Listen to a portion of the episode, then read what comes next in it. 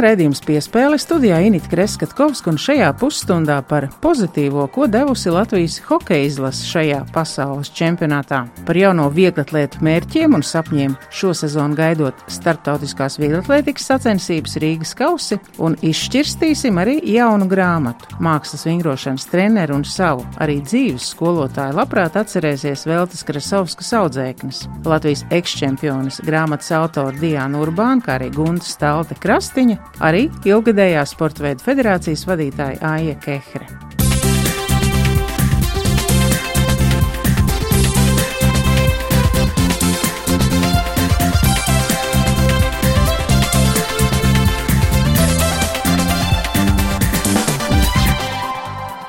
Pasaules čempionāts hokeja ik gadu atklāja kādu talantu, šoreiz īpaši daudz pozitīvu emociju deva arī Latvijas izlases spēles, un par to vairāk no sacensību norises vietas turpina Mārtiņš Kļavinieks. Pasaules hokeja čempionāta spēles Latvijas izlasē Herningā noslēgušās. Latvijas izlase šobrīd ir ceļā uz uh, Dānijas galvaspilsētu Kopenhāgenu, un šo pašu vietu ceļā ir arī pieci žurnālisti, kuri atspoguļoja šo čempionātu. Hernings posmu tieši kā Latvijas izlasē tur veicās, nu, tad uh, turpmākajās raidījuma piespēles minūtēs Sežot vilcienā, baudot uh, Dānijas uh, lauku dabu, skatoties un veroties pa logu, mm, arī kluso dabu dažādu apkārt esošo, tad arī parunāsim uh, ar šiem četriem maniem kolēģiem, kāds bija šis turnīrs Herningā. Un sekojoši rindas kārtībā tie ir Ilmārs Stūrišs no Latvijas avīzes, Gins Naroks no Latvijas, tāpat arī Edijs Pālens, fotogrāfs no Latvijas un arī Ainars Rutkevičs no Radio SVH. Visiem jums saku labdien! Labdien! labdien. Kungi, kurš sāks, kurš grib izteikties par turnīru Herningā un kā šajā septiņu spēļu maratonā veicās Latvijas izlasē? Varbūt Ilmārs sāks. Es patiesībā esmu ļoti pārsteigts par izlases sniegumu, braucot uz Dāniju. Likās, ka maksimālais, uz ko mēs varam cerēt, ir divas uzvaras - Koreja un, un, un droši vien Norvēģija. Bet, um, Tagad mums ir punkti sešās spēlēs no septiņām. Un, un faktiski jā, nu, tikai šajās divās spēlēs var teikt, ka mēs bijām favorīti. Vai varbūt pret Norvēģiem tas izredzes bija līdzīgs, bet mēs paņēmām arī punktus pret Kanādu, Ameriku un uzvarējām Dāniju, Vāciju. Tas ir, manuprāt, ļoti liels sasniegums. Un, ņemot vērā to sastāvu, kāds mums bija, nu, nešķiet, ka viņš varētu būt spējīgs atkārtot to, ko 2009. gadā izlasīja iespēju. Tad mēs bijām faktiski vislabākajā sastāvā, vis, visspēcīgākie bija rindā. Bet mēs esam to paveikuši. Liels prieks! Gintam šis ir jau kurš čempionāts 18. pēc kārtas? 18. Nu, lūk, tev ir iespēja salīdzināt. Tu būsi pabijis arī uh, trijos no četriem ceturtajiem fināliem, kuros ir spēlējis Latvijas izlases. Šis tev būs trešais. Nu, ko tu saki par Hernings uh, posmu? Es esmu ļoti pārsteigts par šīs komandas sniegumu, jo neviens jau necerēja no sākuma, ka būs tik labi, bet tā ir ģimene, kā puiši saka. Un ģimenē vienmēr, ja ir kopīgs spēks, tad ģimene var lielas lietas izdarīt. Un Es tiešām esmu lepns par šiem puikām un par to, ko ir Bobs Hārtlīs paveicis ar šo komandu. Jo, kā Andris Džeriņš teica, viņam šis ir devītais čempionāts pēc kārtas, un beidzot, beidzot viņš ir tur, kur vienmēr ir gribējis būt. Mums ir jālepojas, ka mums ir tāda komanda. Ainārs Radio SVH klausītājiem uh, gan arī katru rītu ziņoja par to, kā izlasē veicās Herningā. Ainārs, es saprotu, ka tev ar Elmu Merzļīkinu ir cieša draudzība tagad. Par štangām var parunāt un tā.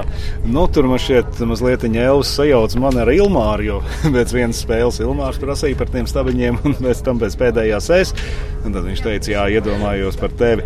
Bet, uh, ja mēs runājam par šo izlasu un šo sniegumu, es atceros pirms braukšanas uz šejieni draugi un paziņas teica, teica, nu, ko tu tur brauks pēc deviņām zaudētām pārbaudas spēlēm, visiem bija tur deguna grīdā. Kad tad būs tā uzvara nākamā? Es teicu, 5. maijā. Un tieši tā arī bija. To, ka mūsēji var tikt līdz ceturdaļfinālam, es cerēju, bet tādas pārliecības galīgi nebija. Bet tas, kā mūsu komanda ir spēle no spēles progresējusi, Tas ir fantastiski un cepuri nost visiem mūsu treneriem, Bobam Hartlijam un pašiem puišiem, ka viņi to ir spējuši paveikt. Man šķiet ļoti būtisks bija tas 1-8 smagais zaudējums Somijai, jo tas mūsējos sapurināja, lika viņiem apzināties, ka, ka man, ko mēs te darām. Netur emocijas uz soliņa nekā. Nu, Nedīs ir vienīgais, kur laikam mēs četri nevisai saprotam, jo tu no tā turnīra redzi ļoti maz, jo tu skaties caur fotokameras objektīvu visu laiku. Tās spēles ir nu, faktiski jāizvada nu, vai nu aiz pie ledus, vai augšā virs ledus.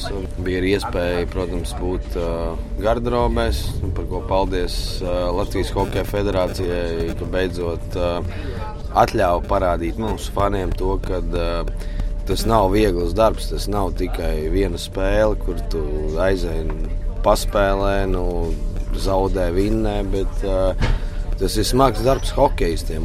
Man bija prieks šogad, kad uh, atļāva atspoguļot uh, tieši to smago darbu, ko viņi dara. Kad... Edīte arī traumu guvi kādā no spēlēm. Jā, tas bija smieklīgi, jo nebija rēķinājis, ka šie borti atšķirībā no citiem čempionātiem aizsargstīkli. Viņi bija nu, plasmas, jā, un uh, parasti viņi ir stikli un tik, tik traki nelokās. Un, uh, es biju diezgan diezgan tuvu pielicis objektīvu pie stikla. Un, Sanāca tā, jā, ka uh, viens no mūsu spēlētājiem gan neredzēja, kurš tas bija, un arī bildēs nevar redzēt to, kurš tas bija. Un, uh, tā, viņš, tā, kad iebortēja, tad jā, es dabūju ar, ar fotokameru pa galvu un, un, un arī rezultātā. Jā. Jā, tāds lūk, fotogrāfu darba aizkulises. Kas jums, kungi, kuri rakstīja un runāja, paliks no šī čempionāta atmiņā? Nu? Man liekas, ka apstākļi bija ļoti labi. Es tā braucot uz šo turnīru, likās, ka kaut kur Dānijas dziļos laukos, un kas tur būs, kā tur būs, ko tie dāņi būs sataisījuši. Bet um, kopējā organizācija man ir ļoti labs iespējas, īpaši fanu zona, tik liela, plaša apjomta ar tik daudzām izklaides iespējām faniem. Tiešām mēs bijām labi pārsteigti, ka veikalos ir cenas līdzīgas kā Latvijā. Ēdieniem, gan dzērieniem, gan našķiem. Nu, viena lieta, protams, jāpiebilst, ka par krogiem un kafejnīcām, ja tur gribēs, tas ir jau krietni dārgāks pasākums nekā Rīgā, bet veikalos tās cenas nav tik dramatiskas.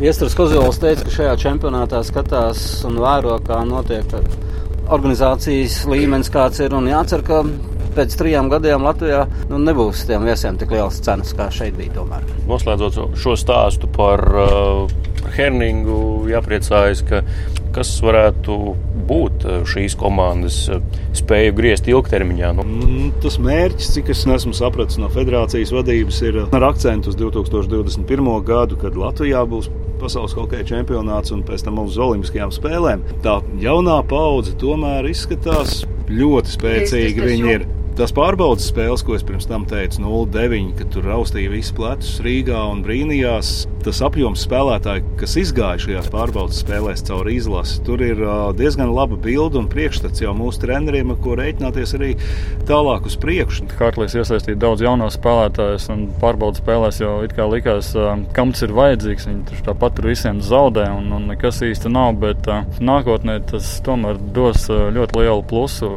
Es savukārt gribētu novēlēt citām Latvijas sporta veidu federācijām, komandu sporta veidu federācijām arī apdomāt un varbūt atrast tos līdzekļus un noalgot tiešām augstu līmeņu speciālistu, jo mēs redzam, ka Bobs Hārklīs ir Latvijas hokeja šobrīd pacēlās pavisam citā līmenī maratonā, kad tu skrieni distances laikā, ja kāds tev uzmundrina un nosauc tavu vārdu, tu to dzirdi. Pirmā uzvara bija tad, kad es biju pionieru nometnē, tas bija 66. gadā, es vinnēju bumbiņu mešanu. Skan raidījums piespēles studijā Inita Kreskatkovska un raidījuma turpinājumā par gatavošanos 29. maijā gaidāmajām starptautiskajām vieglatlētikas sacensībām Rīgas kausi. Šonadēļ Nacionālajā bibliotekā notika izglītojošs seminārs, un tajā Baltijas vadošie sociālo tīklu mārketinga eksperti iepazīstināja ar veidiem, kā attīstīt un uzlabot savu personīgo brendu sociālajā vidē. Pirms praktiski padomi tiks sniegt arī aktīvajiem sportistiem, uz sarunu aicināja to starp arī pērnā gada Rīgas kausa sacensību uzvarētājs Printers Indija Bukšu. Šonadēļ seminārs ne tikai tiem, kas organizē, bet arī pašiem sportistiem, un šeit Nacionālajā bibliotekā es esmu satikusi vieglatlētus, kuri paši iepazīstinās ar sevi. Es esmu Līza Katrīna Zeļģa, es augstlicēju. Oļegs Kozjakovs, daudzcīnieks. Rīgas kausi noteikti piesaista sporta karalienes vieglatlētikas uzmanību. Tieši šonadēļ sākšu ar uh, Baltijas čempionātu daudzcīņā, kur uh, mēģināšu izpildīt normatīvu uz Eiropu. Jūlijas sākumā man būs Eiropas čempionāts Gijorā. kur mēģināšu labot rezultātus. Rezultāti diezgan pieauga, ieskaitot arī kārti, kur uh, nesen uztaisīju personīgo rekordu 3,95. Par to esmu ļoti priecīgs un cerēsim, ka šogad būs daudz labāk, daudz cīņa. Ceru savākt vairāk punktus. Es pagājušajā gadā piedalījos Rīgas kausos. Startējot Rīgas kausos var iegūt milzīgu pieredzi, startējot lielāku mērogu mačos nekā parastos mačos, kuri notiek ikdienā, bet tie bija kā svētki. Kāpēc tieši augstlēkšana? Nu, viss jau sākās ar čēpmešanu. Tad treneris pameta ideju, ka varētu trenēties varbūt daudz cīņā, startēja sacensībās. Tad tomēr vislabāk padevās un visvairāk patika augstlekšana, un tad pievērsos vairāk augstlekšanai, bet arī vairākas reizes gadā uztais daudz cīņu. Ko tev šāda veida seminārs var dot? Vai ir tā, ka arī sportistam jābūt reizē menedžerim, reizē arī labās grāmatveža zināšanas arī ir jāliek lietā? Es domāju, ka šis seminārs noderēs. Vai dzīvē var sastapties ar visādām situācijām, kad tev ir jāzina par, ne tikai par sportu, bet arī par dažām citām nozarēm, ievirs zināšanas vismaz paša sākuma šim visam. Turpinot par zināšanām, jūs neesat izvēlējušies studijas Amerikā, kaut gan varbūt tāda iespēja vēl būs, vai jūs esat to apsvēruši? Biju domājis jau par ārzemēm ļoti sen. Pabeigšu 12. klasi Latvijā un uh, kaut kā mēģināšu turpināt mācības ārzemēs. Es arī jau kādu laiku domāju par mm, studijām ārzemēs, bet tomēr es laikam domāju par to, ka varbūt Latvijā tomēr varētu mācīties, un ka arī ir tomēr daudz nozars, kurās varētu mācīties. Pagaidām es esmu nolēmis palikt Latvijā, bet nu, kādreiz varbūt es vēlētos mācīties ārzemēs. Tātad mācības un sports jums iet roku rokā, un tas laikam ir labi. Ja? Treneri ir tie, kas rosina un mudina jūs mācīties arī. Nepateikšu, ka treneri palīdz. Ir labāk, lai trenējās. Jā, treneri labi trenē.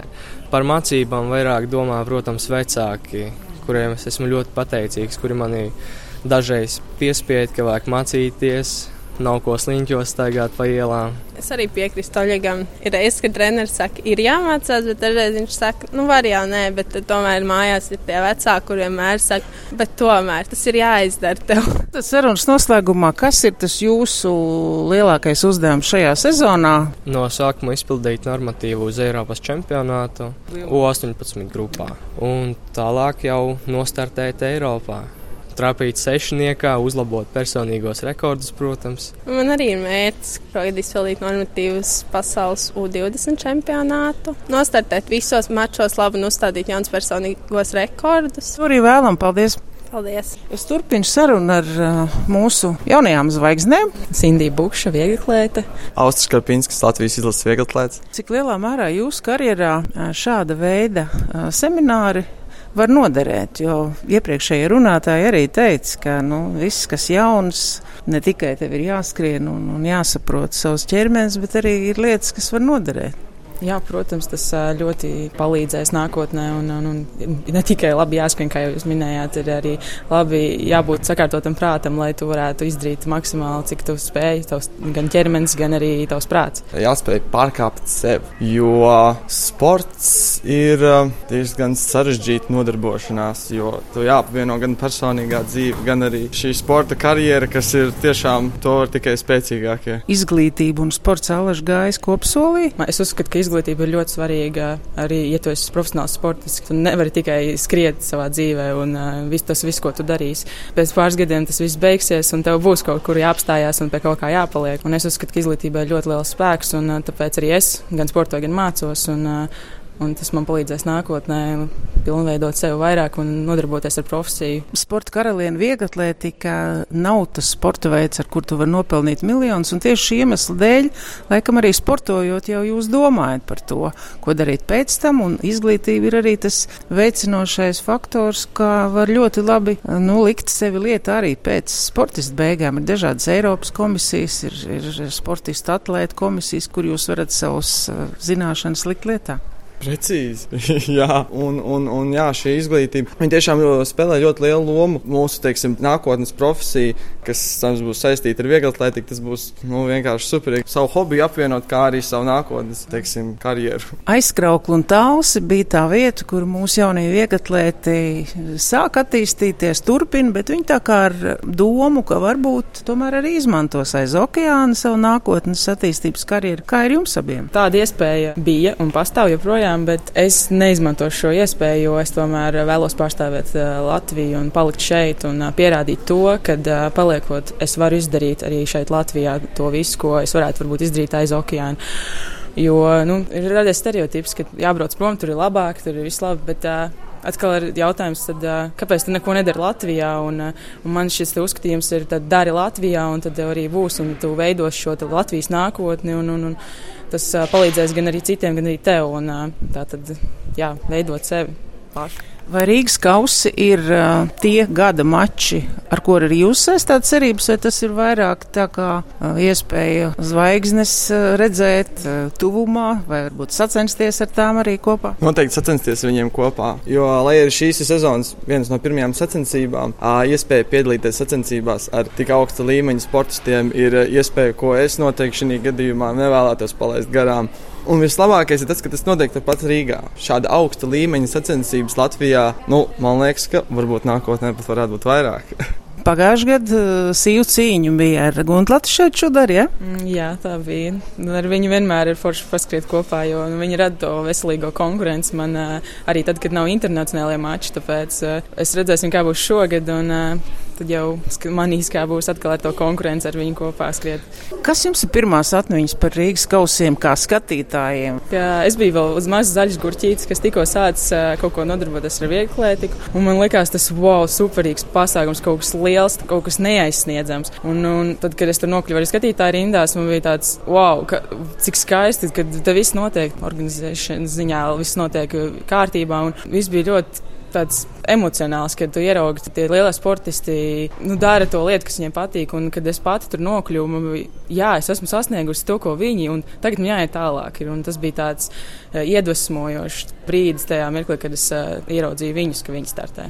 Un iespēja arī tribīnēs redzēt visus bijušos sporta veidu pārstāvjus, vai ne? Precīzi. Mana pirmā pieredze ar Rīgas kausiem bija tāda, ka es uh, biju pārstāvēju kārtas ķērēju, tad, kad bija kārslakšana. Tas tagad tenisā bumbiņu padevējs apmēram. Jā, jā, es būdams skrējies tajā laikā pilnībā. Jā, es tikko biju, man liekas, kādu gadu biju trenējies. Protams, es nebiju domājis, ka es kaut kādā attīstīšos tik tālu, ka šī mirklī pat es piedalos šajās sacensībās, bet es noteikti noskatījos uz visiem šiem skrējējiem un domāju, ka varbūt kaut kad. Un tad lūk ienāca šis mirklis. Nu, jauki. Mūsu sarunas noslēgumā es gribētu, lai jūs iezīmētu savu vienu mērķi, ko jūs gribētu šogad noteikti izpildīt. Nevis maziņu, bet nu, tādu kārtīgu mērķi, godi piedestāls un kādās sacīkstēs. Noteikti pirmais mērķis, tas tāds mazāks, varbūt tā kā iegūt savu Latvijas čempionu titulu atkal. Viens no mērķiem noteikti būtu uzvar Rīgas kausos, bet nu, to es negarantēju, bet nu, tas būtu tāds mērķis. Un, protams, kas ir lielākais, mans mērķis ir dabūt augstu vietu uh, Eiropas čempionātā tā, kas ar pieaugušajiem būs Berlīnē. Un,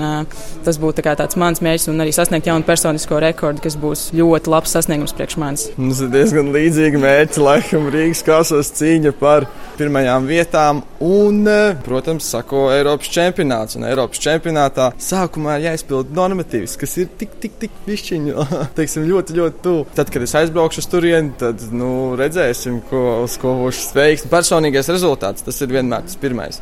Varbūt es varēšu pakāpties višķiņu augstāk. es esmu pārliecināta, ka jums izdosies. Lielas paldies par sarunu un ejiet pretīm saviem mērķiem. Paldies! Super, paldies.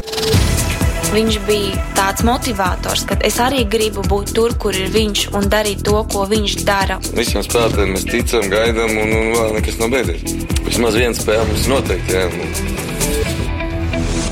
Šonadēļ notika grāmatas Zelta lapus mākslas vingrošanā izcilā trenere Velta Krasovska atvēršanas svētki. Lai uzzinātu, kādēļ tepus šī grāmata piespēles studijā grāmatas autora Diana Urbāna, Latvijas ekschempiona Gunda Stalta Krastiņa un ilgadējā federācijas prezidenta Aija Kehre. Šonadēļ notika grāmatas Zelta lapuse mākslas vingrošanā, izcilā trenere Velta Krasovska atvēršanas svētki, un lai uzzinātu, kādēļ tad tapus šī grāmata piespēles studijā, ir grāmatas autora Diana Diana Urbāne, Gunta Stalte Krastiņu un Aija Kehri. Labdien visām! Tātad divas no jums ir veltas audzēknis, Latvijas čempions un ne tikai un tā joprojām, tā ir tiesa, ja? Jā. Un Aija savukārt ir nu, ilgadēja bijusi Latvijas vingrošanas federācijas prezidente. Mākslas vingrošanas. Mākslas, toreiz bija toreiz atsevišķi. bija atsevišķi, jā.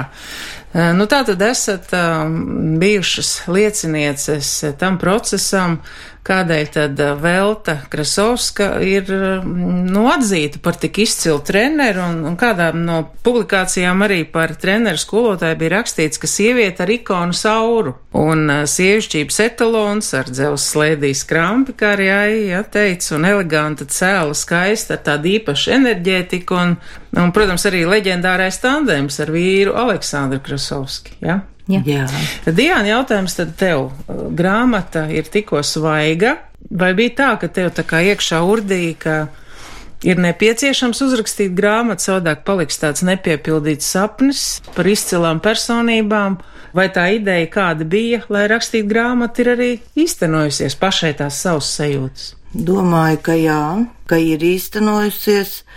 Tad, kad es izlasīju Ārtas Andersonas grāmatu par Ludmilu Kačkaldu, ko viņa ir uzrakstījusi, tad sapratu, ka vajag noteikti par mūsu skolotāju Veltu Krasovsku uzrakstīt šo grāmatu. Pirmā grāmata būtībā, un es viņu rakstīju ar ļoti lielu mīlestību, ar ļoti lielu mīlestību. Un ļoti pateicos tām skolotājas Veltas Krasovskas meitenēm, vingrotājām, nu jau elegantām dāmām, dažādā vecumā, kuras ir palīdzējušas man atsaukt atmiņā tos domāju zelta laikus, kad mēs trenējāmies pie manas skolotājas Veltas Krasovskas un arī viņas vīra Aleksandra Krasovska.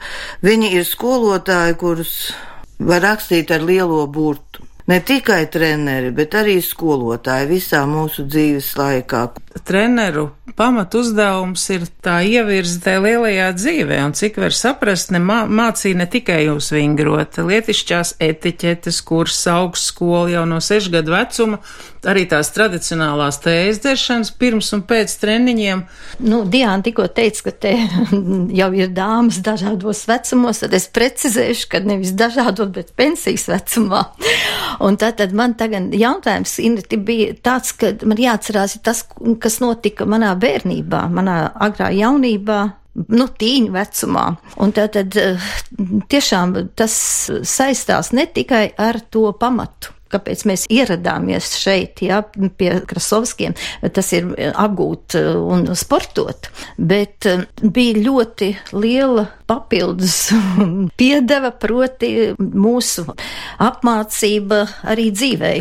Jā, te varbūt var pieminēt visu to republikas čempionu plējādu, kas Krasovskiem bijusi, sākot ar jau pieminēto Olgu Mežerau, Paišu Nēderu, Ruta Žeidure, Gunta Stalta, Agita Rītiņa, Diāna Urbāna, Ludmila Kačkaldu un, protams, arī dažādas visavienības godaugas. Ai, laikam to varētu visvairāk atcerēties, jo nu, pašai arī bijusi ir saistība ar mākslas vingrošanu. Nē, ar, tas ir tāds kurios zināmā mērā, ka es iekļuvu mākslas vingrošanā.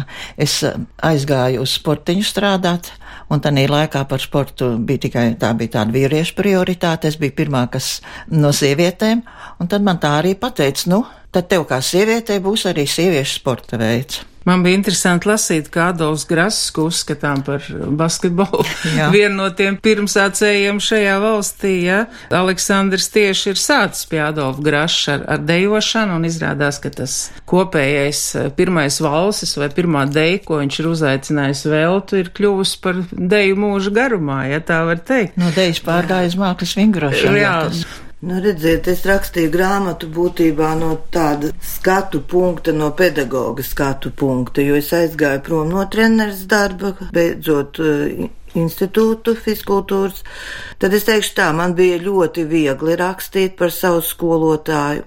Un pateicoties tam arī, kad bija šie atmiņu stāstījumi, Pieminēja arī Krasovska meita Liljānu, mīļi saukt par Boni, un uh, viņa arī kādreiz atcerējusies šo treniņu 49. skolā. Raimonds Pauls, starp citu, pie klavieriem esot sēdējis un sācis, vai ne? Es nezinu, vai viņš bija pirmais, bet viņš bija. Nu, neteiksim, ka ļoti ilgu laiku, jo viņš bija grupas biedrs vai kursbiedrs ar Ilu Šetleru, kas mums bija pianisti. Un uh, katrā ziņā, nu, tas bija, es gan biju vēl bērns, nu, man bija tāds agrais tīns, un tur tās meitenes, kas bija stipri vecāks, tās, nu, tas bija ļoti iedvesmojoši. Mūzikas izvēle ir liela loma, kāds tas vingrojums vai vingrinājums beig beigās izdosies. Un šis dzīvais pianists pie klavierēm ir tas, kas uzdod to ritmu un kam ir jābūt sazobē ar vingrotāju. Nu, tas tagad skatoties mūsdienās, kad ir ieraksti, tas ir ļoti skaisti un iedvesmojuši arī ieraksts, bet tas, ka bija tiešais pavadījums, nu, tas bija pilnīgi kaut kas cits, jo, nu, vispirms jau treneri mācēja, nu, nostādīt to lietu tā, kā tas bija nepieciešams, un viņi mācēja piespēlēt piespēlēt, ja kaut kas jā, neizdevās. Jā. Viņš mācīja piespēlēt pat, ja, piemēram, bumba kaut kur paripoja. Mm -hmm. nu, mākslas vingrošana kā sporta veids, nu pat nesen svinēja 70 gadus. Un jāsaka, ka Velta Krasovska ir no pašiem pašiem pirmajiem sākumiem, no paša sākuma. Un lielākajā daļā kopā ar Aleksandru Krasovski arī veidojās tas garu gadu garumā čempiones, dažādas sacensības. Uz sacensībām lielāko daļu brauca Aleksandrs, bet Velta bija tā darba darītāja un, un meiteņu galmas izkopēja un ar savu paraugu, ar piemēru, nu, dāma. Viens no braucieniem, kur bija velta, tas bija Skoplē. Saimnieki mums uzsauca, meitenēm laikam, ne, ja es pareizi atceros, mums uzsauca frizieri. Tā bija parauga stunda, kā velta, dāma, nerunājot nevienu vārdu citā valodā, kā tikai latviski. Visas frizieres tekāja viņai riņķī, un viņai skaistos sudrabainos matus pārvērt skaistā frizūrā. Viņa pat mācīja pateikt tā sievišķīgā nevarībā, man vēl šeit lūdzu lociņu, un man vēl tur to, un iespējas bija tāds, ka vēl nekad nav bijusi ne pie viena friziera nevarīga bet panāca ar to savu sievišķību, nevarīgumu, panāca tieši to, ka visi viņai visu izdarīt tā, kā viņai vajag būt. Šī grāmata ir, ir ļoti vizuāli jauka un krāsaina un cietos vākos, kas, manuprāt, ir ļoti liels pluss, ja grāmatai. Un tā tad atgādina, ka Diāna Urbāna grāmatas autore, zelta lapus mākslas vingrošanā izcilā trenera Velta Krasovska, un, un studijā mums ir uh, arī Gunts Stalti Krastiņa un Aija Kehre, un, mēs rezumējot varbūt jūsu viedoklis par to, ko šādas atmiņas, ko dod vispār sporta veidam, jo man arī bija uh, iespēja vēl es ļoti labi atceros, kā Daugaus sporta namā notika šie mākslas ritmi, kas pārtapa par, nu, jau tradicionālo Baltijas apli, kur jūs pašas varējāt izvēlēties šos mākslinieku darbus, tās arī tās tradīcijas, kas tiek pārmantotas, un droši vien arī šāda veida literatūra un tas vēsturiskais, kā arī Diana teica, no treneru ētikas mantojums noteikti nodara tagadējām gan treneriem, gan vingrotājām, vai ne? Jā, ļoti nodara. Es arī grāmatā pieminu, kā šodien notiek mākslas vingrošanas sacensības. Nu, es katrā ziņā šajā vecumā ik pa brīdim pieķeru sevi, ka man ir daudz nospiedumu no skolotājiem. It īpaši, ja man nu, cilvēki, kas nezin, ka esmu vingrojis un prasa, kāpēc tu tā uzvedies, jau kāpēc tu tā um, rīkojies, un tad es pēkšņi man no zemapziņas kaut kur izliem, bet tas taču man ir iemācīts, ja? kad kā turēt galvu, vai kā pārvietoties, vai kā runāt, vai kā redzēt visu no malas.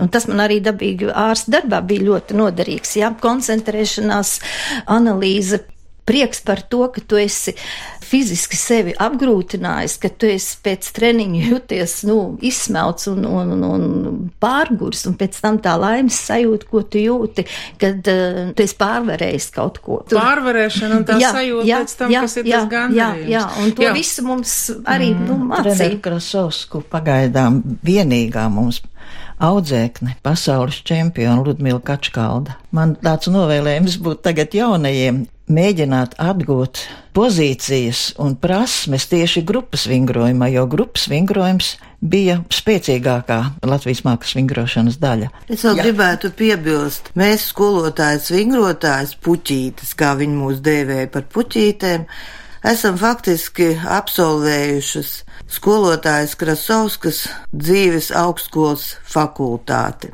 mākslas vingrošana, puķīšu, ziediņu un sapnīšu mākslas vingrošana nākotnē. Saku lielu paldies par piedalīšanos raidījumā. Tātad zelta lapuse mākslas vingrošanā izcilā trenera Velta Krasovska. Grāmatu varat meklēt grāmatnīcās un lai mākslas vingrošana tikpat graciozi soļo tālāk. Paldies jums, ka atnācāt! Paldies! Paldies.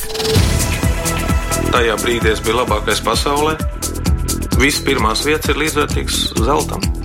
Spēlētājiem gadās slikts, labs spēles sērijas, bet ir jāceļās, jāmāk piecelties un parādīt savu sniegumu.